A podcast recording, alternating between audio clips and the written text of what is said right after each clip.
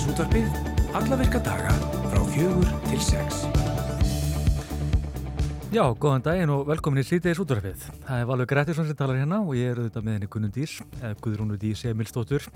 Svo hún heitir nú vist. Þú vilt vera svona formlegur. Já, mér finnst hún alltaf betra að segja fullt nafn. Ég leika man ekki nöfn öðru sig, það er, er ákveðin vandi hjá mér. Það er fínt að vera gunnandi svo föstu, held ég. Já, já, Já. mitt, það er förstudagsgunna sem við fáum í dag. Já, þú ert förstas valur. Já, Þetta er bara fínt. Það er eitt og annað sem við ætlum að að taka fyrir uh, í dag. Uh, við ætlum meðal annars að fá hann Kristján Gíslason til okkar. Uh, hann er betur þáttur sem. Hann fótt til Patagóníu uh, í ferðalag á samt konu sinni og það er að fara í lofti tveir þættir á rúf uh, og við ætlum aðeins að fá hann bara til að segja okkur frá ferðalaginu. já, hann var nefnilega með þætti hérna fyrir ekkert svo lungur síðan á Rúf og þeir voru algjörlega dásamlegir. Ég hef með datt inn í þetta sjálfur og ég hef nú ekkert sérstaklega áhugað samur um línulega dagskrá yfir höfuð en ég algjörlega festist í þessu og þetta var hérna, þetta kom bara verulega á, óvart og var bara verulega hjartnæmt og skemmtileg. Hann hefur farið út um allt. Já, já, þetta er maður sem hefur ferðast út um allar heiminn. Mhm. Svo ætlum við auðvitað að tala við Gísla Rafn Ólafsson, hann er þingmaður Pírata og býr á Reykjanesinu. Hann ætlar að ræða okkur, við okkur um elgósið og viðbröð við náttúru hamförum almennt. Hann býr, nei, já, hann hefur hérna áratögar einslu, bara af viðbræðstörfum og við, vegna náttúru hamfara og hann er mikið að velta fyrir sér áfallaf þóli Íslands. Þetta er náttúrulega svolítið nýtt orð kannski umræðinni en segir sér sjálft áfallaf þól hvað getur gerst á þess að innviðir og annað eins brotnir hreinlega og þetta er eitthvað sem við þurfum að fara að velta alvarlega fyrir okkur, fyrst mér, svona í hennu pólitíska í henni pólitísku umræðu og hann kom þessu dagskrá á dögunum og það fóð nú ekki betur en svo að, að heita vatni farið af núna í Reykjanesbænum og Já. viðar. Já, þannig að við ætlum að ræða þessi mál við hana eftir, svo ætlum við aðeins að fara í ofurskálina, uh, það er leikur á sunnudaginn og Henry Birgir Gunnarsson, íþjóttafættastjóri sínar, hann ætlar að koma til okkar og ég útskýra aðeins leikin fyrir okkur, hita upp Mhm. og, og líka bara svona ræða við okkur um þessi lið sem eru komin áfram. Já og Íslandstengingar, það er óvænt Íslandstenging einmitt við þetta allt saman og, hérna, og ofan og allt annað var ég nú að segja að þessir, þessir piltarhandlar sem eru með loka sóknina, það er þessi þátturinn heitir sem þeir eru með, eh, það er kannski að ekki allir hlustendur hirtum en þátt en margir þó, þetta eru Andri Ólafsson og Eirikur Stefán Áskersson ásand Henry Birgir sem er með hann þátt. Mm og þeir eiginlega eru bara svolítið ábyrgir fyrir því að bara ofur skálinn og NFL er bara yfir höfuð svona, og komið inn í íslenska menningu mér finnst að þessi menni er bara að fá fólkórðuna fyrir þetta. Já, þeir eru perlur. Já, Uh, við ætlum líka að fá hann allafanna til okkar með með með vikunar. Það átti að vera í gær en við komum því ekki að út á dállu í gær þannig að hann ætlar að koma til okkur í dag og ég held nefnilega, uh, hann var eitthvað búin að kvíslega okkur hérna á göngurum, að hann ætlar líka eitthvað aðeins að, að tala um ofurskáluna, takk og tvist á því. einmitt. Og svo er það sem sagt, uh, messa, það er svona górsmessa, ég segi það nú ekki en, en, en sem sagt hérna, Elin Borg Ísildóttir. já þessar samverustund opið hús í Vítalinskirkju í Garðabæ. Mm uh, í, í, í, í nafni Grindavíku, Grindavíku kirkju og ég held að þessi bara komið tími til þess að uh, svona aðeins svona hugað sálinin líka og sálarónni og þessu öllu saman. Já, ég held að þau ætla eiga notalega stund á sunnudaginn og Elin Borg uh, sem að er sóknarprestur í Grindavík sem við höfum oft rætt við í þessum tætti. Hún ætlar að segja okkur aðeins betur frá því á eftir. En það er eitt mál hérna sem við ætlum að byrja á og þetta er nú, ég hef nú talað svolítið um þetta og tuðaði yfir þessu og þið verður bara að fyrirgefa mér. En ég ætla að fá hana lög, lögmanninn hana Helgu Völu Helgadóttur sem hefur gaggrinninn á nýtt og umdilt fyrirkomulega Reykjavíkuborgar sem er að sekta bíla sem leggja í sínum stæðum í miðborginni. Anna Ringstedt var eina af þessum einstaklingum, það var fjallað með til morgunblæðan á vísi, það var að vísu fælt niður, en það eru margir aðrir sem eru standa í þessu einkennilega stappi og tve, Helga valaði til að mynda með tvo skjólstæðinga sem eru sagt að vilja leita bara síns réttar í þessu máli. Helga Vala, velkomin, segðu okkur aðeins kannski bara hvað hérna um hvað er þessi einkennilega deila og, og, og það, fólk hefur verið að leita til henn, heyr ég. Já, ég ætla nú ekki að svona, tilgreina nákvæmlega uh, upplýsa nákvæmlega um mál minna umbjóðanda. Nei, en þetta varðar kannski uh, svona réttindi sem að fólk hefur uh, haft við hús sín ímist já, bara inn á sínum lóðum til þess að leggja aukutækjum og, og þau réttindi hafa þau haft bara um áratugaskeið og, og eru með uh, bæði eigna, eigna samninga og lóðalegu réttindi sem að sem að hafa gilt síðustu 70 ár og gilda næstu 70 ár, nýbúið endun í ægjabell Mm -hmm. og, og, og þá skyndilega bara í skjóli nætur byrja, byrja hérna að fá sektir á bílana sína. Já, Dóra Björk það var svo skrítið, sko, því að nú, nú hérna var ég að byrja einhvern veginn aftur á þessum vettvangi í lögmörskunni og, og fekk tvö svona mál inn á borð hjá mér bara á fyrstu vikonum, sko. Já. Og ég hugsaði, hvað hva er að gerast? Og svo sá ég mitt þessa frétt önnur yngsteð, sko, einmitt, þessum að hún er að lendi þessu. og Dóra Björk Guðjónsdóttir, oddviti Pírata, var hjá okkur á dögunum og hún útskýrði afstöðu borgarinnar og það voru flóknar hugmyndir um það um deiljuskipulag og stundum er þessi stæði ekki almennilega löguleg en svo er til líka þannig dæmi að fólk bara veit ekki að stæðin þau hverju kaupa húsin skilur og, að ekki hugmynd að það hefur ekki verið sótt um deiljuskipulag og hvernig sem það reglu voru hérna 30-40 árum áður. Og það er bara alls konar í þessu. Og ég velti því bara fyrir mér maður myndi halda, sérstaklega í svona þröngri miðborg, þar sem er er verið að fækka mikið stæðum og það er bara erfitt að koma bílum fyrir núna meira sig í hverfum. Hvort það var ekki einmitt bara mm Mhm. gaglegra að það væri stæð, þessi stæði fengi bara standa en ekki vera sekta fyrir þau? Ég veit það ekki. Já, sko, uh, þú veist, uh, vissulega hefur uh, stæðunum líka fjölgað mjög mikið, sérstaklega í miðbænum, í þessum stóru húsum. Jú, Uh, Það eru þetta, uh, sko, í, uh, alveg niðri í miðborg, þar eru þetta gríðarlega stórt bílastæðahús sem að gagnast mjög mörgum, sem er alveg frá bara lækertorki og, og, og, og niður að sjó undir hörpu, sko. Og ég veit ekki hvað komast margir bílar þar og svo eru bílastæðahúsin út um allt þannig að þau eru víða. En svona inni í hverfunum við e, hýbíli fólks, einmitt það er kannski miklu frekar þar sem að er þessi, þessi eh, miklu skortur og ég þekki það, ég bý hérna vestur frá og það, þetta er svona lotteri sko, alltaf eftir, eftir vinnu. En sko það sem að er kannski skrítnast er þegar að sko fólk er að leggja bara uh, inn á lóðinu sinni við, bíla, eh, við hérna bílskúr til dæmis mm uh, eða uh, það er skráð beinlinis í kaupsamning og lóðalegu samning að viðkomandi megi vera þarna við húsið sitt. Það bara stendur svart á hvítu -hmm. að því sé þá breytt.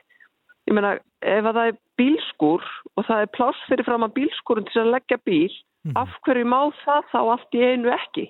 En, en ein spurning Sko, hérna, það verða að vera einhver rök fyrir því og svo bara er húsi við hliðin á þar er lagt við einhvern bílskúr og þar er ekki sektað Já, en og ein, þarna verður einhvern veginn fólk að skilja bara hvað hva, hva, hva breyttist, hvað gerðist er þetta bara, er verið að gera einhverja rassi bara í miðborginni eða má fólk búast við að veri farið út í önnur hverfi líka og, og hva- hvað vill borgin gera? Vill hún að- að yfir þetta veri bara tyrft og þarna verði grænt svæði?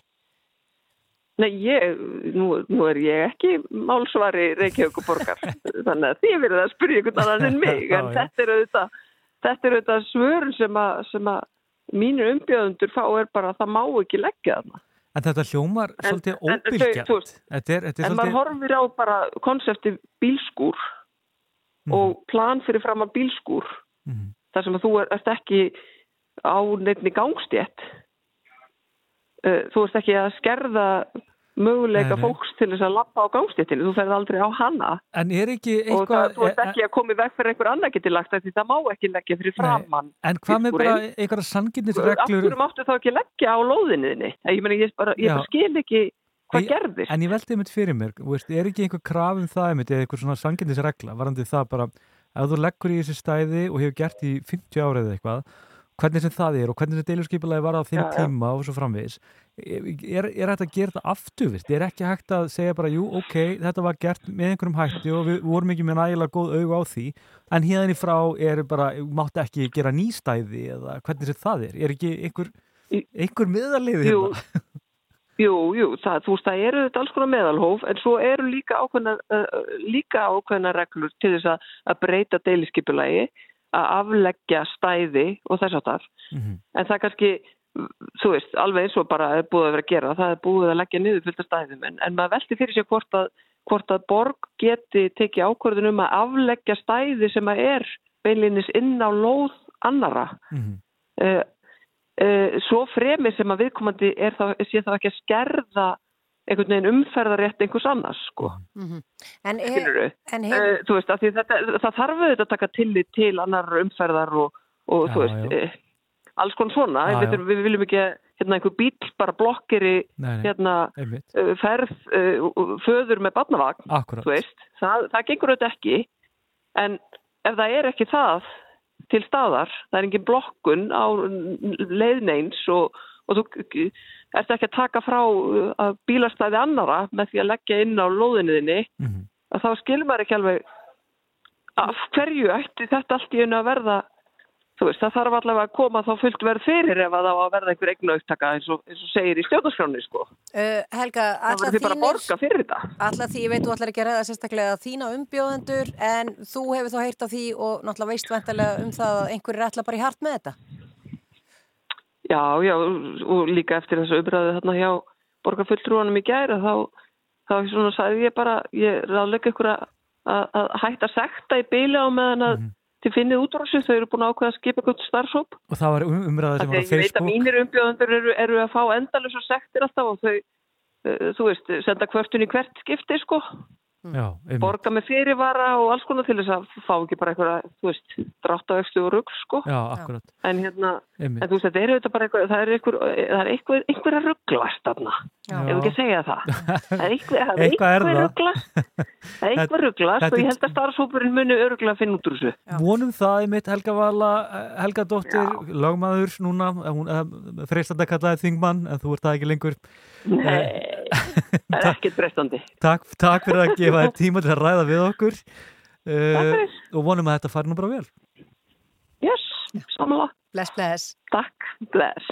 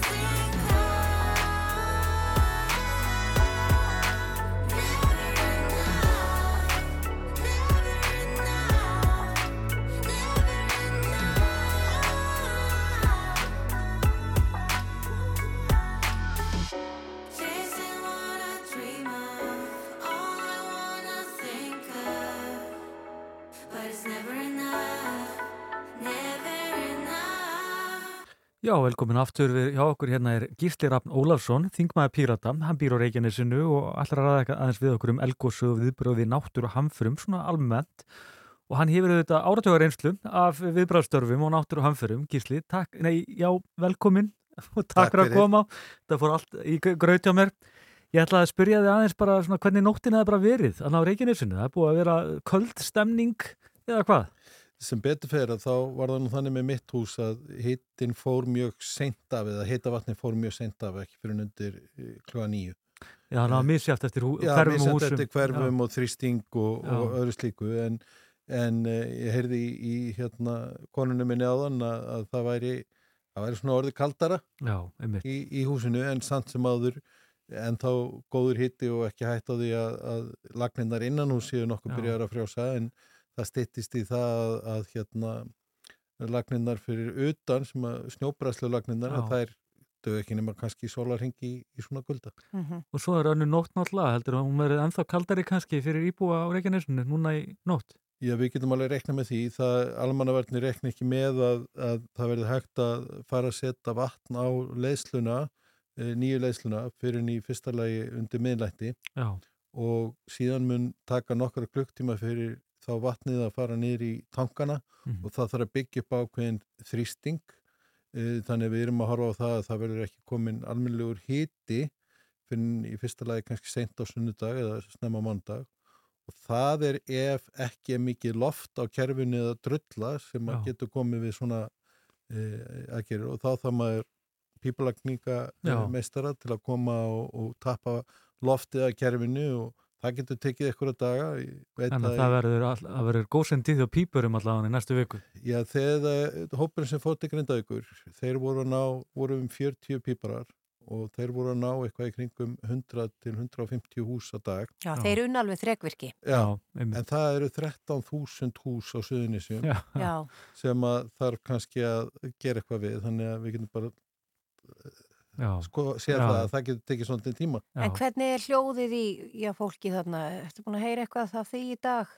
Já, svona því sem ég hef heyrt að þá er nú fólk að taka þetta með svona nokkuð jafnaða geði. Mhm.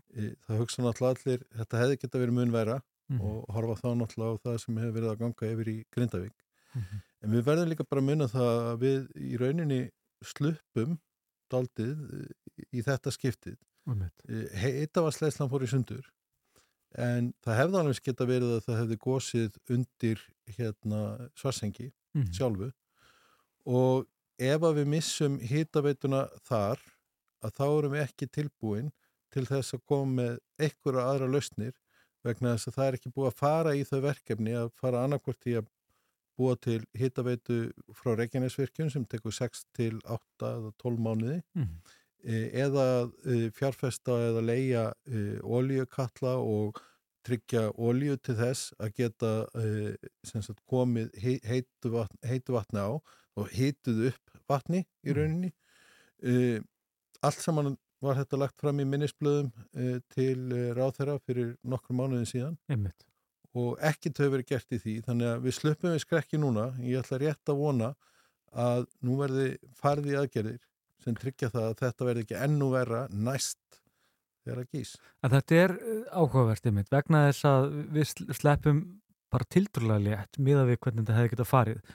En það er eins og enginn hafi velt þessu fyrir sér ekki bara síðastliðin þrjú ár, heldur bara síðastliðin 40 ár að bæta nokkru við. Mér finnst eins og innviðakerfið þarna sé bara mjög svona hvað maður að segja, það, það er miða við hvernig staðan er núna þá er það ekkert sérstaklega gott og við vorum ekkert sérstaklega tilbúin fyrir þetta allt saman, hvað sem það var með ramagn eh, hvað þá heita vatni þannig að er bara alvarlegu skortur á innviðu uppbyggingu hvað þetta varður á Reykjanesinu?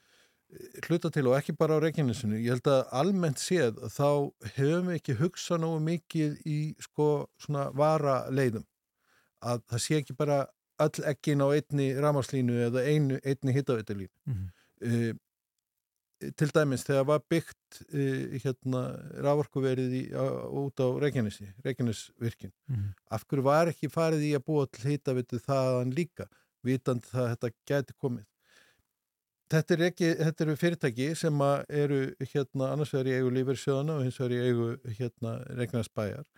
Og ég held að of oft eru menn að horfa jafnvel á það að þessar, eh, þessi fyrirtæki séu að skila arði frekar heldur en eh, að séu að er líka kröfum að þau séu að gera það, það er náttúrulega sem maður tekið eftir sérstaklega er bara á síðastlinum tíu árum er þetta fyrirtæki bara að skila uh, hérna, borga sér út miljarda í arð og bara svo er svona haft uh, til að þessi tekið fram þá er, er sko HS veitur til að mynda er í meirluta eigu um, Reykjanesbæjar Mm. en það er 50,08% hvernig sem það er og restin er alls konar fjárfestar, lífyrirsjóður já og annað eins.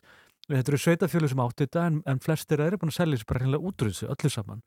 En ég meina, ég meina, er bara, er, er það ekki mistök út af fyrir sig að sveitafélagin hafi ekki verið, hérna, hafi selt sér út úr þessu, þetta er meiri áherslu af að greið út arð frekar heldur en að huga innviðum og svo framvegis. Það er, það er stór furðulegt að við erum alveg reynskilin. Í- Já, ég get alveg verið sammálaðir en ég held líka við sem sko ríki þurfum að vera með og, og sem lögjafald þurfum þá að setja ákveðnar kröfur á þessi fyrirtæki og á þá sem eru að, að hérna, bæði hvað sem það er orka eða heitt vatn eða kalt vatn eh, að það séu sko, það, þau þurfi að vera með varaliðir Mm -hmm. Og ef við horfum á Reykjavík, Reykjavík fær til dæmis sitt heita vatn frá fjórum mismunandi stöðum Einmitt. þannig að það er minni áhætta þó að fara að gjósa á nesjaföllum eða í, í, í, hérna við helliseiðina eða eitthvað Mhm. slíkt að þá er allavega varaliðir til staðar. Við töluðum við íbúa á Reykjanesin í gær, í Reykjanesbæ sem talaði um það að hann hefði nú lappað ofan á þessu heitavarsröri til Grindavíkur fyrir einhverju 40 árum síðan Já. og það hefði ekkit breyst síðan þá. Á 40 árum. Það er bara, En En, og ég meina, þú veist, þetta er orðið 40 manna byggð þarna á Reykjanesinu, 30-40 manns og þú getur ímyndað þér, maður veldur í fyrir sér sem er dreifikerfi, þú getur ekki sett þrjá opna og hárþurku í samband að þess að slá að heilu hverfi. Þetta er með, þetta er með ólíkindum. Við náttúrulega Íslendinga búum við ákveðin luxus. Við erum með heitt vatn til að hita húsin okkar og það var einhver sem að e, reknaði það út að ef við ætlum að hita með rafmagni, jafn mikið á Reykjanesi eins og við gerum í dag með heitu vatni, þá Já. þyrftum við 150 megawatt. Það er meira heldur en sem álverinn. Já, Þannig að við erum að tala um skil. mikið, mikið magn af uh, rafmagn sem þyrti. En jú, dreifikerfið er ekki byggt upp með það að þóla þetta ástand. Eh, Þú talaðir um að hittaðsröri væri eitthvað um 40 ára gamalt. Stór hluti flutningskerfis raforku á landinu er 50 ára gamalt. Mhm. En, en ég meina, eru við ekki þá núna bara að vakna upp við vondan draum og við kannski, það eru kannski ekki til óbærslega miklu fjármunir akkurat núna en þarf ekki að fara að spýta í lóðan og bara setja fjármunni í alla þessa innveðu uppbyggingu. Við getum, við getum ekki beðið lengur. Nei, við getum alls ekki beðið lengur og ég held að sko vandamálið er að við þurfum að fara að hætta að hugsa þetta, sé bara alltaf hægt að greiða út arð Mhm. í stað þess að fara í þá fjárfestingu sem þarf að fara í uh, og ef að lögjafinn þarf að setja reglur og, og, og hvaðir til þess að það gerist, þá þurfum við að gera það en einhvern veginn hefur ég ríkistjórnir núna og undarfarna ríkistjórnir bara lifaði í gamla góða íslenska þetta reddast einhvern veginn Mhm. þanga til að hlutirnir eru komnir það, og orðnið það slæmir að þá loksins er farið í eitthvað. Og það er mjög aðtilsvert að semst, eh, fyrir einum 15 ára síðan eh, var skrifuð uh, skýsla fyrir, uh, fyrir Alþjóðabankan af Nóbelsverðluna höfum í hegfræði og hún síndi fram á það að fyrir hver, hverja eina krónu sem var, eitt í, sem var sett í forvarnir og slíka hluti tengt náttúrhamförum að þá spöruðust 6 Já, pluss krónur í viðbröðum. einmitt. Þannig að við erum alltaf að borga með við viðbröði, við erum alltaf að eigða 6 krónunum í stað þess að fjárfesta þessari einu krónu í uppbyggingu á innviðum og öðru. Og það ætti ekki að koma okkur á óvart að hér séu náttúruhamfarir á þessu landi sem við búum á. Nei, við eigum góða vísindamenn sem eru búin að benda okkur á það að við erum að fara að fá eldgóðs þarna á Reykjanesi og það á eftir að vera jafnvel næstu 100 árin og við þurfum að fara að hugsa um það hvernig við ætlum að verja Reykjanesbrautina, hvernig við ætlum að ver, verja hérna e, e, Hafnafjörð Mhm. og aðra hluti vegna þess að Og svo er það hengilin. Hugsa í sviðsmyndunum, já, Já, já, það getur al- allt eins gósið og það getur haft áhrif að Reykjavík að vera byggðir hér. nákvæm. Þannig að þetta er eiginlega með ó- ólíkindum. Ég er alveg samanlega, þetta er svona veruleiki sem náttúrulega kannski er, virðist hafa verið fjarlægur.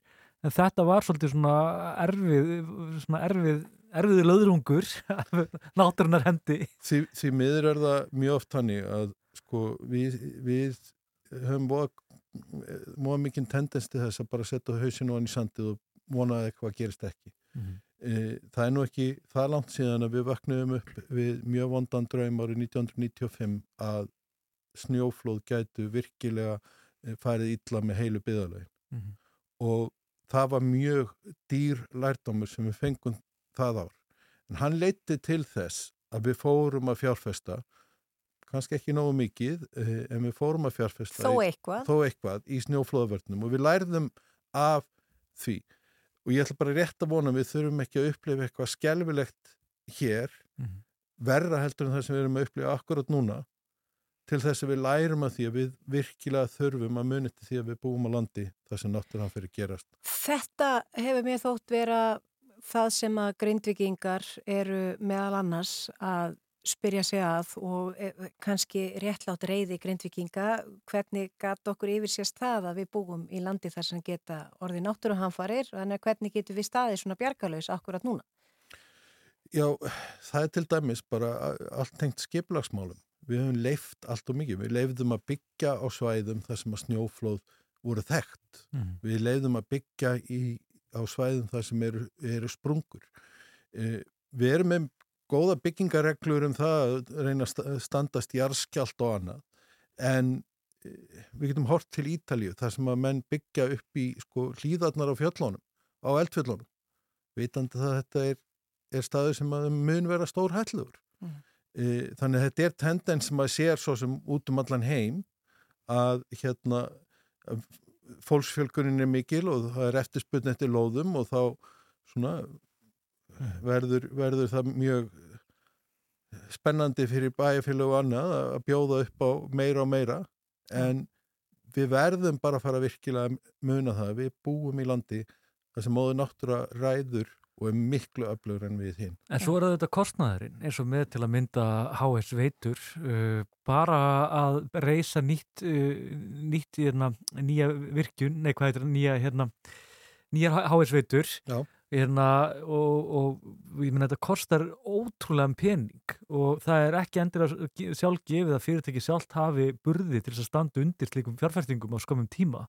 Þannig að hvað skal gera bara hvað allt stíkt varðar? Ég heyrði eitthvað staðar þá tölunemnda að það setja upp hitaveitu í Reykjanes eh, virkjun og búa til eh, pípurnar úr því, væri eitthvað í 10 miljardar. Nú, ok, að það að það er Eh, gert þar. Ég, he- Og það tekur um ára að gera það. það tekur um ára að gera það. Ef, Mm. ef þetta er rétt tala, Mhm. þá er þetta bara smá peningur Já. með það hvað öll húsin myndu kostna. En þurfum við ekki að fara að gera ráð fyrir því bara að orkuveri í svartsengi bara mun fara undir raun áður en yfir líkur? Við þurfum allavega að átt okkur af því að það er ein sviðsmynd sem Já. getur gæst og þegar maður er að vinna í náttúruhamförum eins og ég hef verið að gera og, og vinni mínir í, e, í almannavörnum hafa verið að gera, þau skoða allar sviðsmyndunar Mm -hmm. og þau búa til lista hvað þarf að gera? Og það er þessi minnisblöð sem að, hafa komið núna í, í ljós í dag og í gær um að hvað hefði átt að vera búið að gera. E, og einn hlutur sem getur gerst er að, að þessi virkun hreinlega verði undir hrauni. Mhm. og ef við erum ekkert undirbúin undir það þá mun það kosta okkur miklu meira heldur en virkunin sjálf Að undirbúa það. Grinda við ykkur 3000 heimili, þarna eru hvað, það eru 15.000 heimili sem eru 13.000 13.000 sem eru undir, þú getur ímyndaðir húsnæðiskortir sem eru kjölfarað því. Já, ef við bara skoðum þær aðgerið sem að ríkistjórnin er að fara í fyrir Grindavík og við notum þær tölur fyrir þetta Já. svo við tölum nú ekki um sko, það, það eru aðri hlutir í þessu eins og bara e, það að flytja það þyrft að flytja fólk til dæmis sem er á hjúgrunarheiminum og sjúkrósum Já, einmitt. heilbriðskerfið okkar getur ekki tekið við öllum þeim fjölda sem þyrft að flytja bara suðunisjum Hingað. hingað. Það er nógu sprungið fyrir. Já. Gísli Rafnólasson, við komumst ekki lengra með þetta sinni. Eh, Takk kærlega fyrir að að koma til okkar hérna í síti í hlutupið og, og ræða þetta allt saman við okkur. Takk kærlega fyrir. Síðdegisútvarpið á Rástfö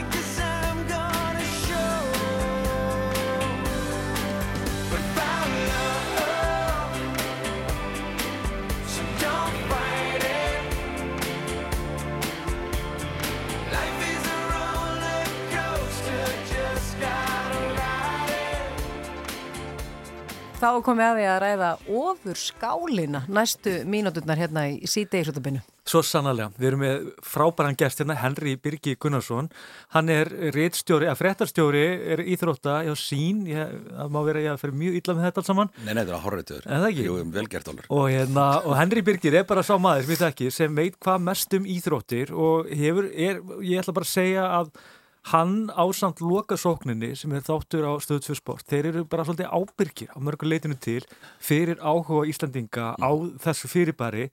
NFL, Super Bowl, öllu þessum og ég segðu okkur nú aðeins bara til að byrja með það er leikur á sunnudaginn hvaða lið er þetta og svona hvernig lítur þetta út? Já, það er eins og segir, það er ofurskálarleikurinn á sunnudaginn og það er bara í stuttumáli sagt, er það úslitaleikurinn í NFL-deildinni og að mætast Kansas City Chiefs sem eru ríkjandi meistarar á móti stórveldisliði San Francisco 49ers og þarna er raun og vera að mætast svona tveir skemmtilegi pólar því að San Francisco liði búið að vera einhvern veginn langbesta liði í allan vetur. Og svona flestir bjúkusti að myndi fara alla leið. Og menna Kansas liði sem er er hérna ríkjandi meistari er með sitt allra liðlegasta liði mörg, mörg, mörg ár. Já. en innan herbúðaliðsins er leikstjórandi sem heitir Patrick Mahomes og stundu kallaði Tengdason og Moselsbæjar og hann er einhver ótrúlega sigurveri í íþróndum bara frá upphafi. Þú eru aðeins að bakka þetta Hvað hérna tengdasonur hérna Mósilsbæjar Já. Segðu okkur örstuðt frá því kannski Já, það þegar fljótlega eftir að Patrik Mahomes komst inn í deildina þá uh, komast þið á snóður það að uh, eiginkona hans í dag og þá verður unnusta Brittany Lynn uh, Mahomes uh, hafði spilað fótbolta með afturhildingu í Moselsbæ Já. og var hérna heilt sumar Ok, og uh, meiri sem hún kom hann um sumar því hann hafi verið draftar í NFL-deildina nokkrum mánuðum áður og hann kemur og heimsækir hana. Þau fóru í rómatíska göngutúra på Ulfarsfellið og allt og, og hérna, hann var strax orðið miljónamæringur þá sko. Já. En Mahomes gisti samt í einhverju blokkaríbu með nokkurum öðrum og kæristunni sinni. Og svo var, hérna, svo, svo formaði deildarinnar var svona verið að minna hann handar hafði ekki hugmyndu hverju þetta væri. Já, Og hann var að spyrja hvert geti farið með hann út að borða og svona. Hann sagði, að þið eru nú fátaki krakkar, farið bara á, þú veist, fá okkur pulsur eða eitthvað sko. Segir þetta ekki meira um hvað launum stelpunnar í afturheldingu er á? Jó, en svo er það náttúrulega reynda mér fyndið því að sko, hún var að spila með afturheldingu í næst efstu deild uh, og fyrir engan pening skiluru, komst ekki í liðið. Einmitt. En hún hefur haldið fram lengi í bandarækjum hún hefur verið að spila sem atvinnumæður á Íslandi. Nú, Það er engin atvinnumennska sko, hún var náttúrulega bara varamæður í lélugu bjöldaliði sko. En, en, en er þetta ekki svolítið lýsandi samt fyrir þennan gaur að hann er svolítið bara uh, niður á jörðinni og hann er maður fólksins? Já, hann hefur verið það alla tíð og er bara svona auðmjúkur, flottur. Hann er raun og verið það sem að gera hann áhugaverða líka að mörguleitir að pappans var eh, atvinnumæður í Hafnabólta og hann er raun og alin upp bara með pappa sínum að ferðast sem atvinnum, hann þekkir raun og ekkert annað heldur vera atvinnumæður í íþróttum einmitt. sem er alveg pottið hjálpa honum þegar hann er honum síðan fullorðinn og Já, komið sjálfur í þetta uh, svona auðmjúkur, hann er erfitt að þú veist, engu líkar illa við hann því hann er ekki trókafullur, hann er bara flottur sigurvegari. ég minna þegar hann byrjaði að spila og hans í fyrsta Super Bowl þá kom í ljósa að hann gerir svo Donald Trump hann átt uh, nautasteik með tómatsósu daginn eftir var að komi lífstíðasanningu Heinz hann er alltaf að gera beintra Mósilsbæ sko Já, veist, veist, alls konar bara svona og meðan hún síðan hefur bara byggt upp sinn feril og þau eru núna bara gift eða tvö börn Já, já. og En segðu mér, og hann er í Kansas City og, og, hérna, og, og þessi tvö lið hvort er svona álítið sigurstranglega? Með hverjum erum við að fara að halda hérna? Ég, erum ekki alltaf með Kansas, tengda svona Moselsbæjar sko. Já, já. Eh, San Francisco er eins og sagði hann eh, besta liði bara í allan vetur sem að, þú veist, staðið sér hvað best eh, svona öllu jöfnu það er kraftaverk að maður hóns að koma svo Kansas lið í úrslitalegin því að það er ekki það gott sko. Hann er fengið lagar og lagar að lið en eins og Guðjón Þórðarsson uh, orðaði það svo skemmtilegum árið það er ekki hægt að gera kjúklingasalat og kjúklingaskít jú, Patrik Mahomes er eitt fára sem er sanna að það er hægt Með tómatsósu Já, með tómatsós og það er eitthvað sem hann hefur gert það er bara eitt og sér að sér komið liði inn að leik er kraftaverk Já, og allir myndu veðja á San Francisco ef ekki væri fyrir þennan drengi í hinuleginu því að hann er kraftaverkamæður Já. Hvað er, það, hvað er það sem hann er að gera? Hann er vantarlega, ég menna hann er leikstjórnandi, Já.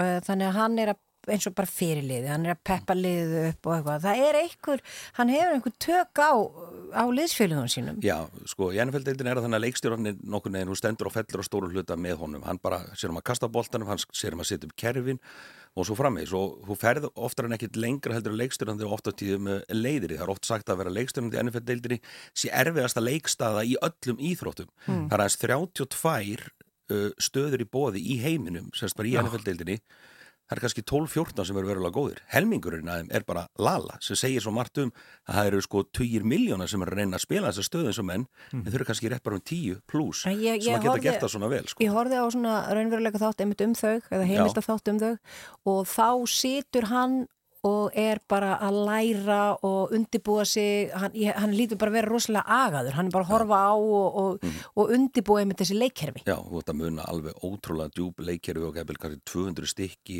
hvað, er einhverju tíu menni að reyfa sig í Já. hvaða kerfi Og þetta er, gerir, þetta er það sem gerir þessa íþrótt mjög einstakar líka. Hún er ofbúslega tæknileg. Já, hún er Og tæknileg. hún er svo tæknileg raunverulega að, að það er það sem hefur kannski fælt marga Európa búa frá Mhm. við að, og hún hefur aldrei náð neinum sérstökum vinsaldum þessi íþrótt náttúrulega Við heimsvísu. skiljum ekki í þessu. Skiljum þetta bara ekki að þetta Mhm. er svo tæknilegt. Er þetta raunverulega svona flókið eða eru, eru til einhver svona einföld trikk til þess að bara fyrir mig sem er náttúrulega ekki mikill áhuga maður um íþrótti Já. en hef gaman að NFL, veist, hvernig á maður að koma sér inn í þetta? uh, byrja að horfa á lokasúruna það er alltaf gott, gott fyrsta skreið en þetta er í grunninn alveg ótrúlega einfalt sport það snýst bara um þá fjóra tilurinn til þess að komast 10 metra og ef þið teksta á einhverjum sem fjóra tilurinn þá ferða aftur fjóra tilurinnir Mm. og kolla kolli og svo bara svona útskýrist hitt svona bara Já, í sjálf sér, það er bara nót til þess að geta hort á leikin þú veist, ég fæ þess að spurningum mig og þetta sé svo flókið og Já. eitthvað svona.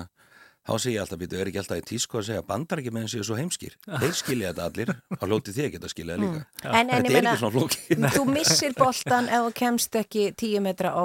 Í, Já, þá notar það kannski fjóruðu tilurinn að sparka boltanum frá þér þannig að anstæðingur byrji hvað aftast eða reynir að sparka vallamarka úr og nálægt skilur Mm. en þú ert alltaf að reyna að skilja allavega við bolta þannig að anstæðingur sé sem aftast að eigin vallarhelmingi og þurfa að fara sem lengst til þess að skora og þannig gengur þetta bara fram og tilbaka sko. En svo er náttúrulega, uh, hérna, sko, áður en við förum í hálfleiksjóið, þetta- við hefum alltaf átt að leggja alltaf þáttin undir þessar um- umræður, sko, þetta er svo briljant fyrirbæri, þetta er svo mikið svona menningar, hérna, Þetta er svo amrýst. Þetta er svo amorist, Já, einmitt, en það, ég veldi fyrir mér, svo allt í hennu kemur inn í þetta, hérna, tra, svona pólitísk dramatík, allt í hennu er hún Taylor Swift, hún er að, hérna, hún er búin að finna sér kærasta þarna í eina af þessu liðum. Jú, jú. og, hérna, og þar að leiðandi er svona, hvað maður að segja, svona brjála, vilda hægrið þannig í bandaríkjunum, það er búið að setja miklar meiningar í alla, allan hennan leik. Já, það er þessi óvænta innkoma Taylor Swift sem er náttúrulega bara frægasta manneski heimsins í dag sko, hefur svona valdið ákveðinu fjæðrafólki, fullt af fólki fagnari að hún sé uh, aðrið þóla ekki sem, sem eru svona hardcore já. Að hún sé að taka Hún sé aðteklina. að taka aðteglina. Einmitt. Hún hefur sjálf engan sérstakann áhuga á því, sko. Nei. En aftur á móti er þá allir hennar fylgjendur sem að kallast Swifties, ég er að læra þetta, sko. þeir, eru, þeir eru farnir allir að fylgjast með henni og kærastunum hana og var nú að vera að reikna út bara í síðustu viku að verðmætið, auka verðmætið fyrir NFL-deildina að Taylor Swift var svona tengdu sem var yfir tvo- 200 miljardar, sko. Wow. Þetta er algjörlega, veist, ótrúlegt. Já. En veist, henni hefur bara rósa, hún er ekkert verið að stela aðtiklinn neitt, hún er stundu bara hort í kamerunar, nenni að hætta sína með hennar sko, veist, hún er bara að fara völlinst í að kærast hann, fá sér einn martíni með vinkonum og bara hafa gaman sko. Einmitt. En þetta bara er bara fylgifiskurinn og, og maðurinn hennar sem er líklega að klára, spila sér síðasta leik núna á sunnudaginn, Uh, hefur bara höndlað líka uh, mjög vel og hún náttúrulega er hvað, hún er að fara að spila í hvað, Tókjó á morgun og ætlaði svo bara fljúa beint til Las Vegas til Já. að mæta leikin Það er Hugsi ykkur það, það er grjóthart. Já. Já, þú veist, það er sönnást. Hún hlýtur, já, hún hlýtur að elskina mann. Já, sannarlega, sko. Og, hvað, og svo er það hálfleiksjóið alltaf og auglýsingarnar og allt þetta. Það er Usher, ja, Usher, hvernig sem maður Usher. það? Usher. Usher, Já, já. já. Hann spilar hann sitt, sitt súra hip-hop, eða hvað sem þetta er. Vá, er hann að koma með Já. bara comeback í raun og veru? Virðist vera. Ég- Já. Furðulegt val finnst mér að vera alveg heimskilin. vá, hvað er laka til? Já, Já, maður á. Þetta hefur verið svona svolítið síðust ár, svona svolítið ákveðir svona nostalgi, einhverju sem að, þú veist, eins og fyrir hvað 2-3 árum, há voru bara allir saman, Snoop Dogg, Dr. Dre, Eminem, Það var 50 flott, það var flott aðrið. og svo frammeins og svo er þetta tísku að vera með síðust árun einhvern svona leinigest. Já, já, já. Rihanna var með flottasta leinigestin í fyrra, hann var í maganum á henni. Já, Óbyrber hann var ólétt skilur Já. í atriðinu og þú veist, það er eitt af því sem að mann geta veðið á í kringu leikin, hver er leinigesturinn, eða hverjir Ok. og svo frammeins en hefist, þetta er, hún var ekki krónu fyrir að koma fram í Súból Haftansjó, þetta er náttúrulega stærsta auglýsingaklukki sem getur nokkuð tíma fengið. Já, og eftir hann að koma aftur á framfæri eða eitthvað svona, þetta er eitthvað sem alla tónlistamenn dreymur um að fá þennan séns og þetta líka gera það að verkum að uh, leikurinn er lengri heldur en venjulegu leikur og Já. hálfleikurinn sem venlega er 15 mínútur er alveg hátt upp í hálftími en þeir rigga upp bara einhverju flottasta sviði bara ársins Mhm. á svona 8 mínútum Já, Talandu, ég horfði á heimildamind með J-Lo með Jennifer uh, Lopez, hún náttúrulega tróð upp með sér kýru í, í, í hálfleik. Já. Þetta var svoleiðis bara, þetta tók nánast allt árið að undirbúa þetta. Já, einmitt. Og þú segir mér að þeir fá ekki krónu. fá ekki krónu fyrir þetta Nei. Svo er er bara geggjaðu gluggi og hvað, og hérna, þetta byrjar svolítið seint. Þetta er náttúrulega fyrir næturhaugana og hérna ofbúðslega mikla aðdáendur að, að horfa á þetta. Mhm. Þetta byrjar hvað hálf tólf á sunnudaginn og hvernig á maður að horfa á þetta og nálgast þetta? Já, sko, þetta er sínt náttúrulega á stöðusport eins og bara venjulega og uh, við, svo enginn þurfa að fara í háttin snemma að þá erum við byrjað með uppbyttu klukkan 10 eða 90 myndir fyrir leik. Ok, og við höfum verið að gera ímislegt svona síðust ár til þess að bara fá fólk til að vera með okkur. Við erum að kíkja í Super Bowl Party, þau eru á hverju strái. Já, já, og uh, við erum með svona ákveðra áskoranir. Og svo er annað sem hefur týðkað kannski síðustu 5-6 ár er að það er svo margir og svo metnaðfullir í matargerð. Já, ég þekki fullt af fólki sem byrja að preppa matur nokkur dögum sko, og ætlar að vera bara með 5-6 rétti og, og, og allir að setja inn matamyndir á Twitter. Og það er með bandarísku matur er það ekki? Já, já, eru mikið svona Super Bowl þema. Og við byrtum síðan myndirnar svona bestu myndirnar úr bestu partíunum í útsendingunni þegar það er pása þannig að veist, fólk bara, ég veit um fullt af fólki sem fyrir á Twitter bara til þess að skoða þessa myndir fólk bara trúir í hvað Íslandingur bilaðir í þessu sko. Þetta er eitt af því sem við í þrýeginni Lókasóknir erum hvað stoltast er að hafa búið til svona skemmtilega kultúr í kringu þennan dag. Ótrúlega og þetta kvöld. Já. og þetta er bara alveg með ólíkið í mér fyrra þá voru einhverjir uh, hérna hún er að gera bara sér bjóra merkja með myndum af Já. mér einhver út af vegna Nei, þá voru að senda okkur hinga á þetta og veist, við erum að fara í resapartí í útsendingunum um 11 leitið á sundaginn, ekki missa því það er, það er alvöru, ég ætla ekki að skvíla á miklu en það er já, það er mjög amirist Já, þannig að þetta hefst allt saman þá klukkan halvellu. já, leikurinn er útsendingin byrja tíu Hún byrja tíu Já. og leikurinn hefst hálf hálf tólf. tólf hálf tólf. já, þannig að við erum kannski að horfa síðan á hálfleiksjó eitt en eftir eitt Já, Já. yfir nóttina það geta mjög stór hluti fyrir að sofa eftir það Einmitt. svona þeir sem eru ekki, ekki svona mjög harðir. harkjarna Já, já, En þetta er, þetta er að verða ótrúlega skemmtilegum kýma í íslenskari menningu. Ég er bara mjög Mhm. spenntu fyrir þessu. Ég, maður, jafnvel að maður bara látið til hafa það, horfa á þetta, þetta skiptið sko. já, já. þetta er gaman fyrir mig auðskera ég lísti súból fyrst 99 það voru ekki margir að horfa þá Nei. Þetta er svolítið breyst, Já. þannig að það er gaman að horfa, fylgjast með þessu dafna sko. 25 ára síðar. 25 ára sér, hugsa sér, ég var bara 14 ára þegar ég var að Já, lýsa fyrst. þetta er ótrúlegt. Vá. Henry Birgir, takk fyrir að koma til okkar og bara fara eins yfir þetta og hýta upp fyrir stóra kvöldið sem að er ásunnudaginn. Takk fyrir mig.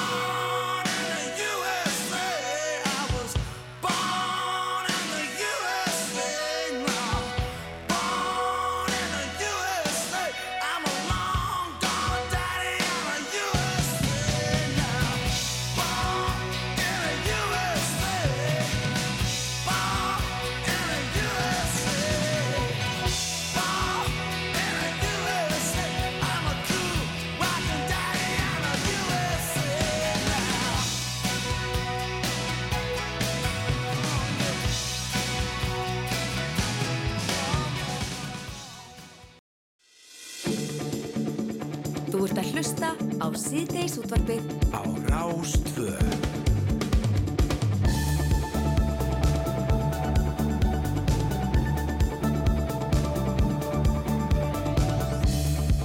Við höldum áfram í síðdegisútabinu og eins og ofta á föstudöfum þá fáum við til okkar föstudagskest og hann er nú ekki að verri endan núna. Nei, við ætlum að fá, hann er komin til okkar, hann Kristján Gíslason, hann er betur þekktur sem ringfarinn.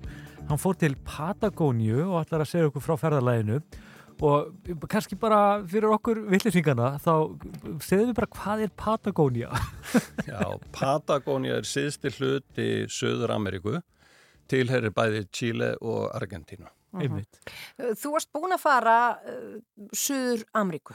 Já, fórst þangað með síniðinu með það ekki. jú, eða þarf að segja á ringferðarlægi mínu 2015, 14-15, þá kem ég frá uh, Ástralíu yfir til Santiago, höfuborgar Chile.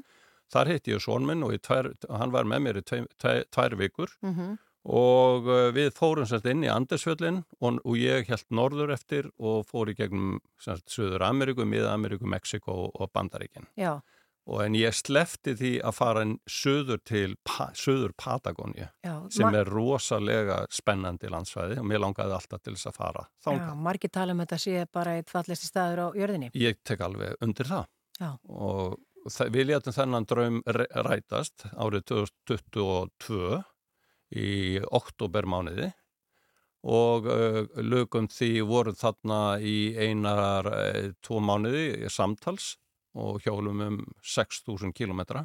Já, þeir kannski sem hafa ekki séð þættina eða, og vita kannski minna þá auðvitað farið þarna á móturhjólum hérna, allt þetta ferðalag. Já, og það er eina leiðin, þetta er bara eins og að fara á hespaki hérna nema bara, já eða þarf að segja sko uh, þú getur farið á mm, jeppum og slíku sko en Já. þetta er landsvæði sem að túristar fara yfirleitt ekki. Þeir, þeir fljúa frá Santiago eða Búinas Aires og þarna ni- suður eftir og það tekur þrjá og hálfa klukkustund að fljúa á angað. mm Þetta er gríðalega langt ferðalag. Þetta er eins og hjó, uh, fljúa hérðan út til Kaupmannhafnar Mm og síðan eftir það, þar, þar leiði ég móti hjól og við hjóluðum sem sagt upp til Santiago aftur. Já. Eh, Fólk sem að er að heimsækja Patagóni, það flýgur til Punta Arenas þar sem við fórum og skoðar eh, þjóðgarðana þar í kring. Sástu mörgæsir? Já. Já. En við erum mjög stutt frá Suðurheimskautinu, við erum ekki nema tæpir þúsund kilometrar. Aha. Voru það stórar? Eh, Ekki, ég átti vonað um stærri, sko. Já. En, ég, en, en hérna, einhvað síður þá náði ég mjög góðu sambandi við mörgæsirna og það kemur einmitt fram í, í, í þáttunum sem er verið að fara að sína hérna á sjóanvarpinu núna á næstkomandi sunnudag. Já, þú ert þarna í oktober, það er náttúrulega sumar til að mynda í Chile þá, en hvernig er veður áttan þarna? Þegar þarna ertu komin, eins og þú segir, þú komin vel sunnarlega, Já. það, það er hlýtt þarna, það er ekki þarna á þessum tíma. Jú, málið var það að kjörtími er februar, þá er hásumar uh, þar Já. en ég veiktist og, eh, af COVID og leigusalinn mótuhjólsins sem við leigðum í Punta Arenas hann samfærði okkur um, um það að koma semst bara um, um vorið í oktober Já. það var, eh, það var í sjálfu sér uh, dálítið erfitt tímabil vegna þess að þetta var svo snem sumars og gerði ferðalagið okkar svo erfitt. Þetta er eins og fara yfir sprengisand í mæ eða eitthvað álíka. Mm Þannig að vera að þvælast yfir fjöllin Já. og allar tundrunar í Ar- Argentínu á mótihjóli á Malawi er ekki, er, er ekki mjög, uh, er, er, verður bara að segjast eins og er, er mjög erfitt. Þeir hafa ekkert verið búin að hefla. Eh, Þeir voru að hefla og þeir voru með alls eins vinnuflokka og slík Já. sem að ég, við þurftum að, að aðlaga okkur að og svo er, svo er náttúrulega til þess að bæta gráan og svarta þá er ég náttúrulega ekki einn á móti hjólunu Mhm. ég er full lestaður og ég er með konun aftan á sem er náttúrulega mjög dýr farmur sko, Jú, jú. og hvað er það, var þetta ekki bara til þess að krytta aðeins svona ferðalagi og tilveruna? Já, sjálfsögðu, þetta er náttúrulega þetta er ævintýra ferð Einmitt. og ekki það að ég hef verið að sækjast eftir þessum aðstæðum, langt frá því vegna þess að þetta reyndi mjög á mig og, og þetta ég, ég hef margótt sagt á og stend við það þetta er eitt erfiðasta mótuhjólaferðalag sem ég hef farið. Já, einmitt. og á tímabilið þá bara tristi ég mér ekki þess að taka myndir af neinu sko, bara því ég hafði bara fullt í fangi með að halda einbeitingun og ég vildi ekki vera hafa áhugjör einhverju myndavilum, skilja Aha. og vindarnir þarna á, á túndrónum í Paka- Pa- Patagoníu, nei, í, í túndró, á túndrónum í Argentínu í Patagoníu eru alveg gríðalegir og þið, maður, við þekkjum vinda en þarna eru vestanvindarnir þegar við erum svo nála söður heimskotinu að vindarnir eru svo ótrúlega sterkir maður hjælt valla höfði á búknum sko. Það bara maður, það gaf Já. eftir Rosalegt. maður hallaði bara undir flatt sko. Og hvað hérna, var þetta langt ferðalag og, og, hvar, hérna, og hvað tók við? Þú fórst hana í gegnum þetta erfiða Já. svæði, þetta nú að hafa orðið auðveldara eftir, eftir Jú, jú, jú, lengra jú, þegar já, jú, jú, jú. Við, sem sagt, ég flýð þarna til Punta Arenas sem er næstu því e, síðust, eða síðsta sem við getum flóið til og síðan fór ég einn niður til Ushuaia sem að er, var svona likja sem ég gerði á leiðminni og fór tilbaka aftur, það voru 1500 kilometrar til þess, að, ein, til þess eins að geta sagt, sagt að ég hafi komið til, komið til síðustu borgar í heimi Já. sem er, Svona- sem er hvað? sem Ushuaia heitir það, já, já, já. argentísk borg, lítið borg og það var svona smá hékom í því en þú veist, maður verið aðeins að næra hann líka Það er gaman að geta sagt Já. það. Já, ég hef gert þetta. Já, Hvernig, hvernig var að vera á síðasta punkti veraldar? Það er bara, það er ákveðin upplifun, þú veist, það er það, er það. það er svona, þú veist, ég fór hringin í kringum hnöttin eh, 2014-15 Já. og það var áfangi, skilur þau, það var áfangi að fara einn á mótuhjóli hringin í kringum hnöttin Mhm. og þetta með samanskapið, þetta var ákveðin áfangi. Já. En, en hvert ferðu síðan? Að Þegar þú ferði við túndrurnar og Já, þetta? og Hvar síðan endar? er, sem sagt, maður fer inn í, maður er að fara á milli Chile og Argentínu Já. og síðan fer maður eh, sem sagt, eftir þessa miklu þjóðgarða í þessum löndum Mhm. þá fer maður inn í Argentínu yfir túndrunar að þeim maður kemst ekki yfir Andesfjöllin. Já. Andesfjöllin er, er lengsti fjallgarður í heimi og maður verða að fara á ákveðnu stað þar sem maður hægt var að fara yfir þennan fjallgarð Mhm. og ég fer inn í, sagt, inn í e, Chile og við þræðum okkur þar upp til um, e, ferjuhafnar sem tók okkur síðan, e, má segja, inn í byggðir Já. og eftir það var þetta bara eins og Evrópa og Ítalía og... Já, ég meina endaru bara í Mendoza í Argentínu eitthvað svoleiðis? Nei, eða? já, nei, Mendoza er miklu ofar. Miklu ofar. Já, Mendoza er alveg við sem sagt Santiago Já. Og uh, en við sagt erum þarna í, uh, þegar við komin, komumst loks inn í menninguna þá eru áttu við einhverja þúsund kilometra eftir Já. en þar ertu að tala bara um vatna og vínræktar héruð og luxus sko, miðað við, við alla harneskjuna sem voru búin að gangi gegnum þar áður. Og hvernig var með nætuna? Sváðu það á hótelum eða tjölduðu þið eða hvernig gerðu þið þetta? Nei, við, konan er komin yfir það að vilja gista í tjöldum þannig að út af því hvað þetta var sn- snemm vors Já, þá var svo erfitt að fá gistingu. Einmitt. og ég hafði kynst manni í, eh, á ringferðalægiminu í Santiago 2015 sem ég hef búin að halda sambandi við og ég fjalla um í þættinum. Og hann, ég hef alltaf verið í sambandi við hann allar tíð og hann var eiginlega okkar bækistuð í Santiago og hann passaði upp á það að vera búin að bóka hótel fyrir okkur eftir sem að leiða á, á ferðalagið okkar Já, og já. þetta bjargaði okkur bókstaflega sko. Ef ég hefði verið einn, ef ég hefði verið einn, þá hefði ég verið með tjald og sveppóka. Þá Já. hefði þetta ekki verið sama vandamálið, sko. Já, þá hefði þetta heldur ekkert verið í að kósi ferð. Nei, og þetta var Alltaf svona... betra að vera tvö. Já, já, og þú veist að hún, hún, ég verði að dekra hana til þess að, svona, að fá hana til þess að vera á mótihjólunum með mér, sko. Já, og þetta, sko, já, þú, eins og þú segir, þú búin að tókst þetta allt saman upp og þetta verður sínt á sundaginn, kom Já. nánar að því og eftir. Já. Það er heilmikið annað, segð okkur aðeins frá sjóðinu þínum líka.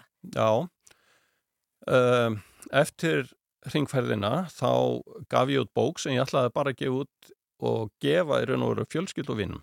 En, uh, en prófarkarlesari minni, eh, Greta Ingþórsdóttir, hún saði, herru Kristján, veistu það? Þetta á erindi til almennings. Þannig að við hérna byrjum að selja bókina og ég hugsaði með mér, ég get ekki verið að græða á góðvild alls þels fólk sem að gaf mér möguleika á því að taka myndir að þeim. Þannig að við stopnum þá í kjölfarið þennan góðgerðasjóð og, uh, og erum að styrkja aðalega tvö verkefni, það er að segja uh, forvarnarverkefni vegna eiturlíf og neyslu íslenskra ungmenna og síðan eftir Afrikuferðalagi mitt þá gaf ég út aðra bók sem heitir Andlit Afriku og þá byrjum við að, að styrkja uh, mentun afrískra barna og erum í frábæru samstarfi við Gunnar Stefánsson og Önnu Helgu uh, hjá Háskóla Íslands, hann er professor og hún er dósent sem hafa þróað uh, kennslukerfi og, uh, og, og við höfum sérsagt komið að þróun og kostna, ekki þróun og kostna heldur kostnaði við að, að, að kaupa vélbúnað og, og hérna, tölvurbúnað og slíkt fyrir, fyrir þetta verkefni. Já. Og við höfum núna, vorum einmitt að uh, styrkja verkefni núna í janúar og samtals höfum við þá styrt fyrir 34 miljónir. Já, Það er rosalegt. sem er afrakstur þá sölu bó, bókana. Já, sölu bókana og náttúrulega uh, síningaréttar uh, þáttana Já, sem já, að já. sjónvarpið hefur keift og við erum Einmitt. núna með þessum teimu þáttum sem er að koma í lofti núna Mhm. á sunnudaginn að þá, þá höfum við framleitt uh, 15 þætti. Já. Og þannig að, en ætlar ekki að gera öruglega bók frá Patagóniu? Já, Af því það er fallegt. Jó, það er fallegt en uh, ég held ekki, ég ætla ekki að gera, gera bók en það er, nóga, það er nóga framlega tvo þætti um Patagoníu. En, en svo að því að þú kannski ætlar ekki að segja okkur betur frá því en þú ert nýkomin einn frá Japan. Já, við komum núna bara rétt fyrir jólinn í november, komum Já. frá Japan. Það var, Við eigum eftir að fá þig aftur til okkar til að segja þetta ég vona, ferðasöguna. ég vona ég eigi eftir að uh, fara út í framleysla á, á hérna, þeim, þeim, þeim þætti eða þáttum. Já. Þetta er sem sagt ringfarinn tvö á mótuhjóli í Patagóniu klukkan 20.15 á Rúf núna á sunnudaginn, það er fyrir hluti og svo setni hluti eftir viku. Já.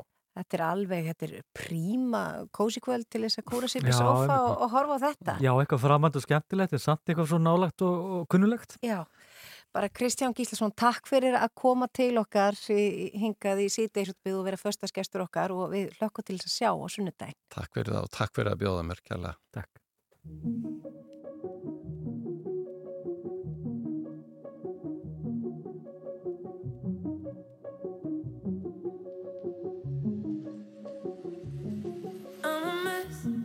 She's the best. She's a 10 out of 10. While I am who I am, got a closet full of skeletons. But I'm honest about the evidence. I say yes, you said next. You can't stand what I did, now I can't get away with it. Like she can. Oh, damn. What you don't understand is angel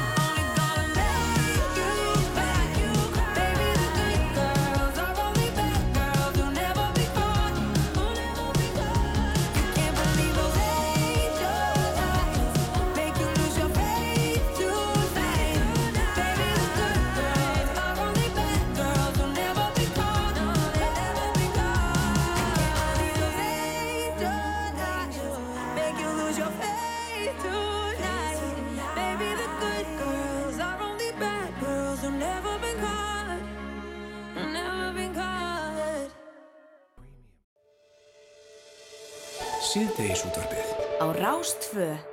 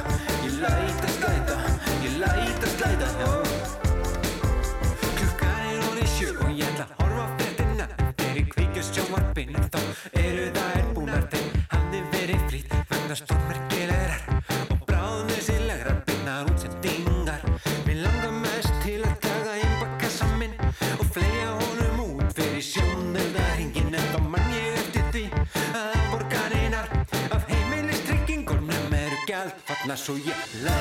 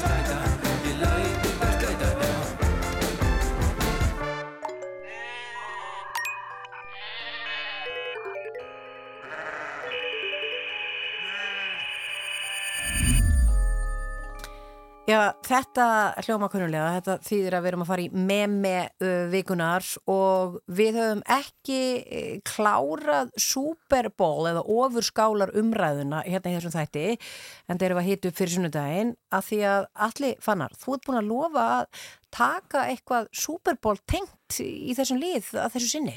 Já, það var auðvitað mjög áhugavert það sem að henni talaði um, um, um til og svift Það er svona hluta, svolítið stórri mynd sem er í gangi núna. Það er Taylor Swift og, og Overskálinn. Eh, það er svona, eh, oft, kannski hann er líka að tala um það að hann átt loða við Overskálinn að það er svona ymsið svona tengdir við, viðbörður eins og kjúklingavængi átið og auglýsingapakkin og undan og með, með fram og, og svo er þetta Taylor Swift sem að er núna einhvern veginn bitbein Eh, bandaríska republikanaflóksins hún er orðin kærasta uh, Travis uh, Kells sem að er að fara að spila í ofurskálinni mm -hmm. með sínu, sínu, sínu liði sem er hérna, Kansas City Chiefs ég þekki mm -hmm. þau nú ekki allt saman, ég ætla bara með þetta að skrifa við kynum það hana, en sko, já, en Málið er að hún er búin að vera að fylgjast með og, og, og er auðvitað hérna, búin að vekja mikla aðtikla á deildinni og republikanar margir og svona þeir sem eru aðhyllast svona samsæriskenningar í bandaríkunum þeir hafa verið að nota samfélagsmiðla til að koma á framfæri samsæriskenningum um að hún sé hreinlega bara einhvers konar strengjabrúða demokrataflóksins og hennar viðvera á þessum leikjum sé til þess fallin að tryggja sko endurkjör Joe Biden Einmitt. Og það er meira þess að þetta veði um það hvort hún sko mópmæli einhvern veginn Trump í lok leiksins.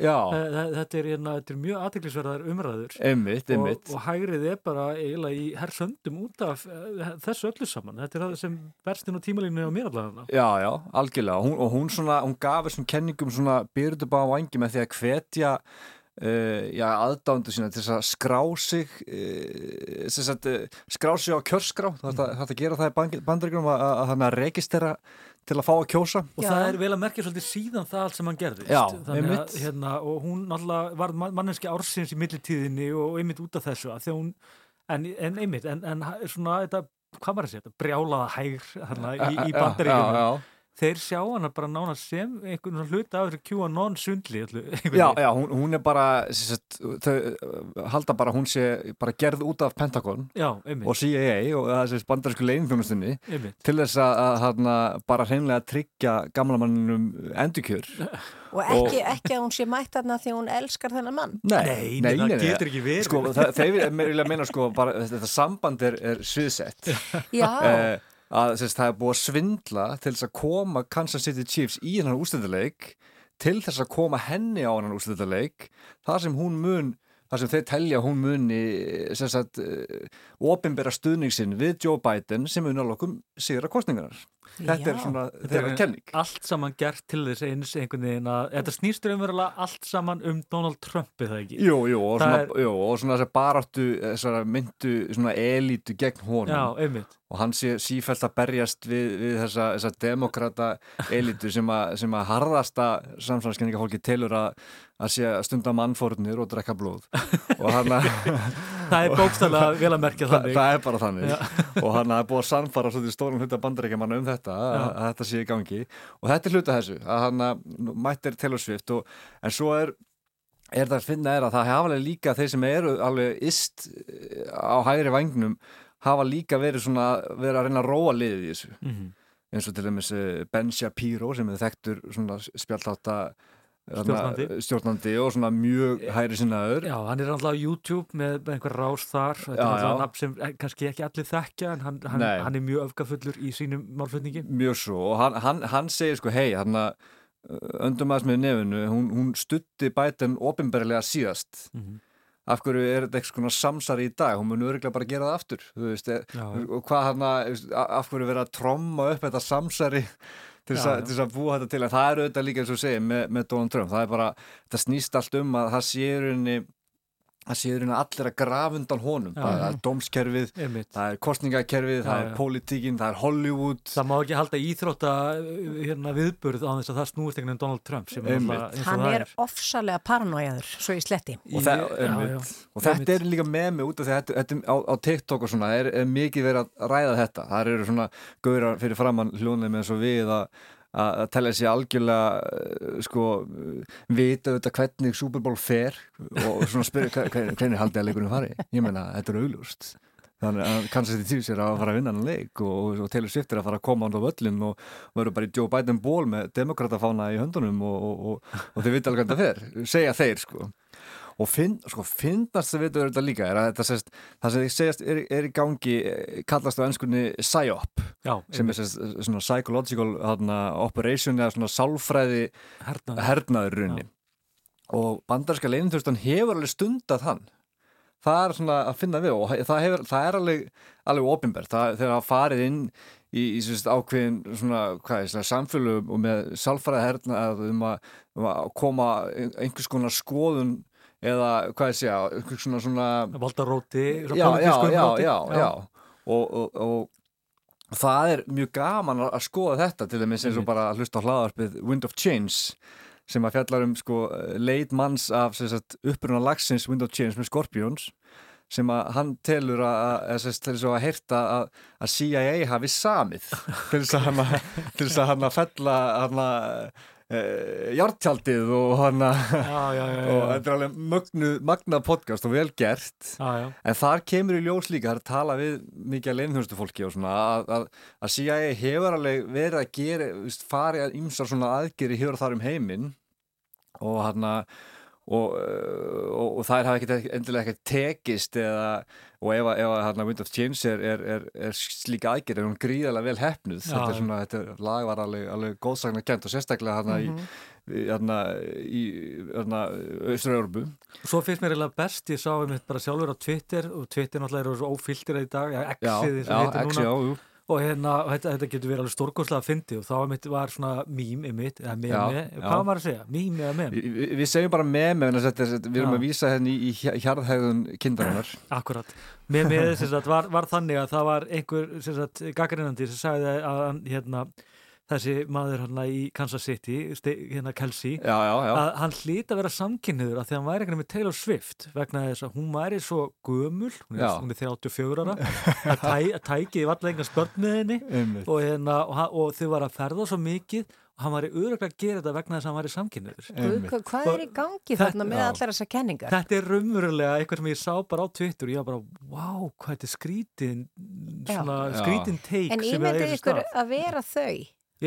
bara fólk sem er bara venjulegt Já, fólk já. eins og við þannig séð og Já, bara, já. það er skotið í hvort öðru og- Ég er bara, Elon Musk mátti líka bara taka þess betur til hann af rugglinu sko, þetta er náttúrulega Já, ótrúlega að ég sé á já. Íslandi að sjá svona ruggl sko. Það er mjög mikið af bullu og það er líka og svo hluta þessu líka sem við sjáum að hana, allt fer þetta líka tilbaka til sko uh, eins og það sem, sem er að tala um með, með þessar svona byluðu kenningar um af hverju hlutinir er að gerast.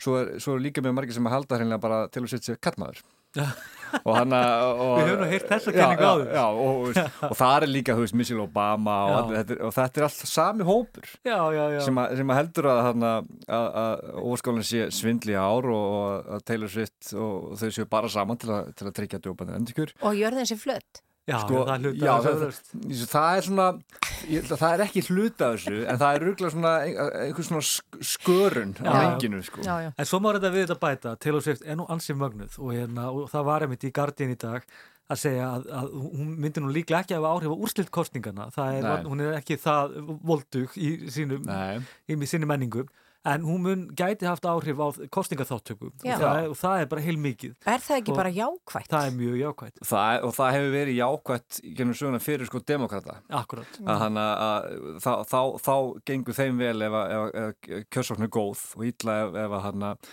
ef hann er slæm og hann að, auðvitað vilja bara, við skulum að halda að demokrata sé eitthvað sko, hvað sé, innan gæslega bara saklur sísu, þeir, þeir eru bara að býða núna með öndun í hálsunum eftir að fá þessa stuðniseflýsingu og þau eru að vinna í því bara baku tjöldin að reyna að fá þetta í gegn út af hún stuttan síðast og þau vilja þetta núna. Mhm. en kenningin er hins vegar hefur alveg öðlast sjálfstætt líf og á sérstaklega á samfélagsmiðlum og sem um þessi, þessi memi út um allt og að, þarna, að þetta sé allt saman plotta bara í Pentagon við hvetjum fólk bara til þess að fara inn á samfélagsmiðla. Er þetta mest á TikTok? þetta er mikið á TikTok já, Já. og, það er gaman, gaman að hlusta á, hlusta á þetta sko og hann að Og leita maður bara að hverju? leita bara Taylor Swift uh, bara Taylor Swift uh, Conspiracy Já, já, það var, Það farið varlega, það, er auðvelt að detta um henni þetta passa ykkur á, á kannu hólunum sko. Já. en, en, en, en þetta er, það er gaman aðeins ef maður, ef maður, ef maður svona tekur þessu með hæfilegu magna salti allar að horfa? Á óskála, nei, ég get ekki vaka eftir þessu Nei, nei, Nei. Ný, nýbakað faður og svona. já, líka bara eitthvað sem byrja klunum eitt bara, nei, Það byrja hálf tólf, hvað er, er þetta? 60 já, allir? hann, er- hann er þreyttur, það er skiljanlegt Allir fann að Bjarkarsson, takk fyrir að koma til okkar og segja okkur frá þessu og já, bara, þetta verður spennandi á sunnudaginn, ég segi ekki hana Jú, jú, mjög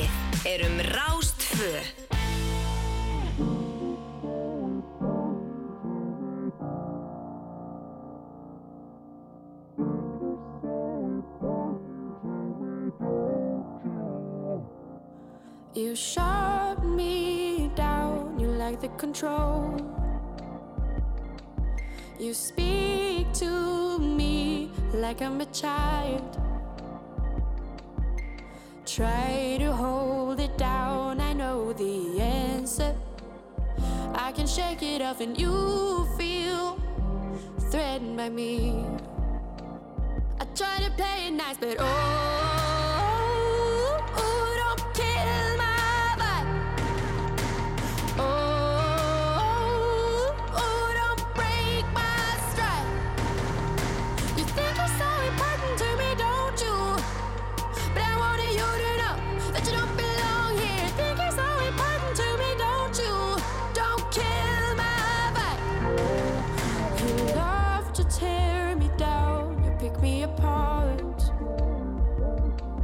Then build me up like I depend on you. But I throw myself from heights that used to scare me. Guess you're surprised I'm the puzzle you can't figure out.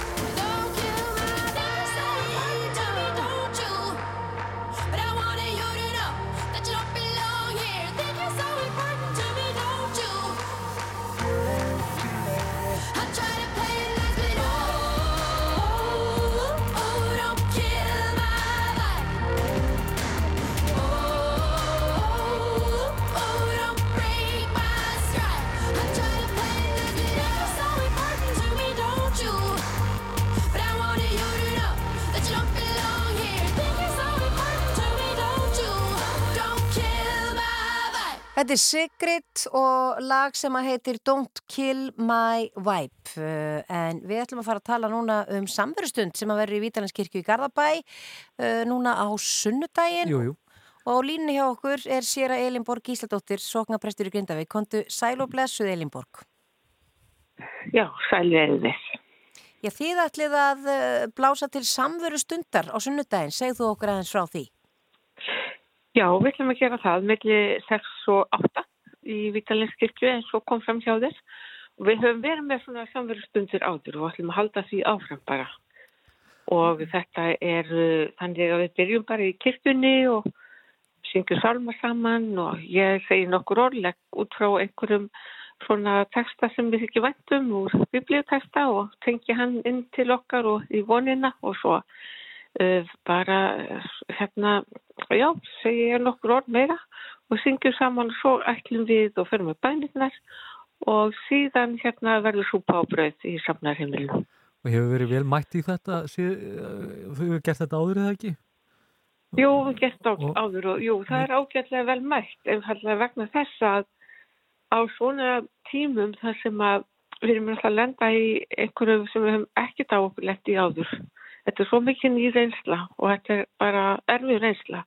Það skiptir svo miklu máli að bjóða upp á samverðstundir að við komum saman og einhvern veginn bara fáum að kvíla kannski í eitthvað, eitthvað sem við þekkjum vel eins og þessari hefð okkar í auðvitað í kirkjunni og svo líka bara við þekkjum.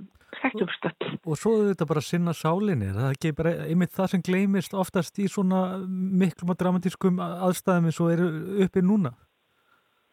Jú, það er það. Og ég hef hingað til með hugveikuna mínar í þessum stundum, þá hef ég alltaf farið svolítið inn í hvað er að gerast innra með mér að því ég veit að það er svona sipað eins og hjá öðrum.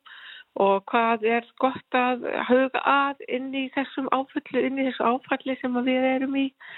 Við erum bara stöðugt að ganga þennan að erfið að gangu og það er bara gott einhvern veginn að fara þess, halda áfram og, og bara heyri öðrum hvar þeir eru og hvað er að gerast og, og, og hérna taka þetta svona skref fyrir skref. Þetta er svo sannarlega langhlaup hjá okkur með uh, okkur sem að uh, búum í Grindavík að við erum ekki að leiðinni þákað aftur. Mm. En bráð allavega. þú hefur komið til okkar áður eftir að allt þetta dundi yfir. eh, Hvernig upplifur hljóðið í já, bara þínu fólki núna? Er, er fólk orðið brotættara en það var þá eða er svona að koma kraftur í það aftur eða, eða er bara status quo þar til að þessari óvissu verður eitt? Mér finnst nú sko auðvitað erum við alltaf á einhverju, einhverju hreyfingu og alltaf, það er alltaf eitthvað að gera. Það er líka alltaf eitthvað ytra að gera sem að hérna, breytir okkur, breytir sko deginum. Og núna finn ég það að við erum svolítið öll að býða eftir sko því hvernig þetta verður með húsin okkur. Hvað er, er, er ríkið að fara að gera? Þannig að mér finnst svona mjög margir vera komnir það, þannig að á þann stað að að fara að finna sér nýtt heimili. Mm Og það ætti nú að vera Og ég held að það skiptir bara mjög mjög máli sko.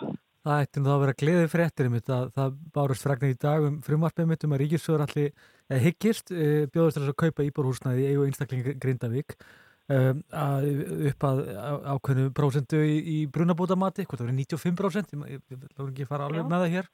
Þannig að ég ímynda mér nú að það er nú líka svona ástæðilega kætast og kannski hittast og kannski upp og, og kannski svona e, íhuga nýtt uppaf, við getum orðað þannig því að það er alltaf tækifæri líka kannski í svona breytingum Já, það er alltaf einhver tækifæri í breytingum vegna þess að þær eru óhjákvæmlegar. Breytingar eru það og það maður þarf svolítið bara að, að, að, finna á hvað, hva, já, hvað eins og ég segi ofta á því, sko, öll eigum við bjargráð og við höldum áfram. En það skiptir auðvitað miklu máli að því við erum flest ofið svolítið leið á því að vera kannski ekki, eiga hverki heima. Við erum kannski svolítið ekki með okkar umhverfi eða okkar, okkar hluti.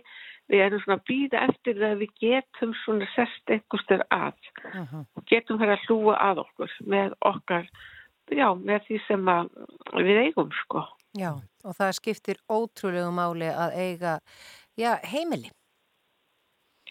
Það skiptir svo miklu máli og ég sjálf hefði aldrei trúað því að ég ætti eftir að upplifa þetta einhvern veginn svona á eigin skinni. Þó að ég hafi alveg verið frá því að við fluttum eða frá því að við komum frá Grindavík þá var ég með, ég fekk fljótt inni hjá ættmönnum bara húsnæði og hef geta verið þar bara og, og, og hérna er nokkuð örug þar sko þangað til að, að já, ég finn mér mitt á eitthvað, einhvern annan saman stað. Ég hef aldrei trúa því hvað þetta gerir mikið við mann hvað þetta veikir sko einhvern veginn allt innra með manni. Hvað maður verður sko einhvern veginn undirlagður, útkerður og bara, já, bara ég hefði, ég hefði aldrei trúa því að því ég tel mig verið þess frekar sterkar manneski sko.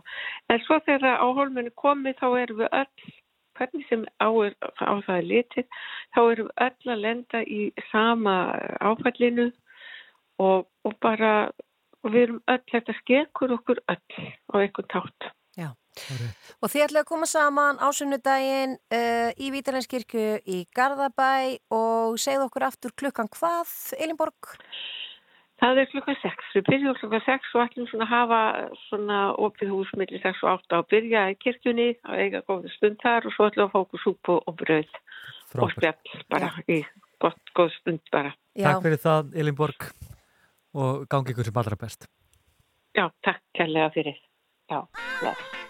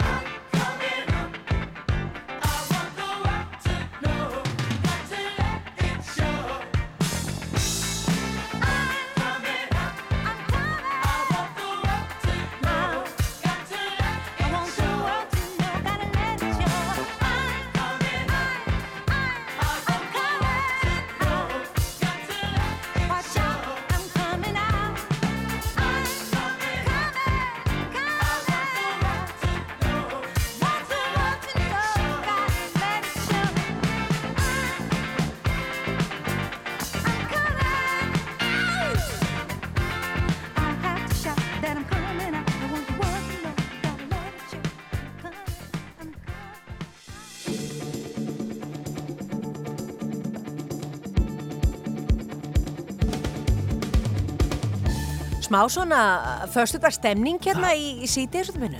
Það er rosalega förstarstemning. Ég er ánægð með þetta lagavall. Þetta er búið að vera ansið gott og ég er sérstaklega ánægð með að komi Bruce Springsteen. Það er bara, hann er ekki nú oft spilaður á öldum ljósokans á Íslandi. Það er alveg rétt, hann er frábær. Hann er dásamlugur. Springsteenin. Já, já. Og hann er svona, já ég segi nú ekki, ég myndi setja hann- á undir nokkru kringustæðum öðrum en núna. En það er svona gott að heyra hann þegar maður heyra hann og hann verður að koma svona óvar. Hann er svona, hann er bandarískar ljónið, sko. Já. Þarf að, hann þarf að ná manni, sko. Ah, þetta er svo gott. Herðu, við uh, ætlum ekki að hafa þetta lengra að sinni. Það er búið að vera geskvæmt hjá okkur í dag. Það er sjálfsögðu hægt að, að hlusta á þáttinn ef þið mistuð af því öllu saman. Já, bara ná rúf.is og í appinu og svona. Annars ætlum við bara að óska fólki góðar helgar. Sannarlega. Góða helgi og bara við þakkum fyrir okkur. Við ætlum að enda þetta hérna á Happy Mondays. Það er svolítið skrítið að það er fyrst dagur. En við verðum hérna aftur á Látum að ganga. mánudaginn. Já.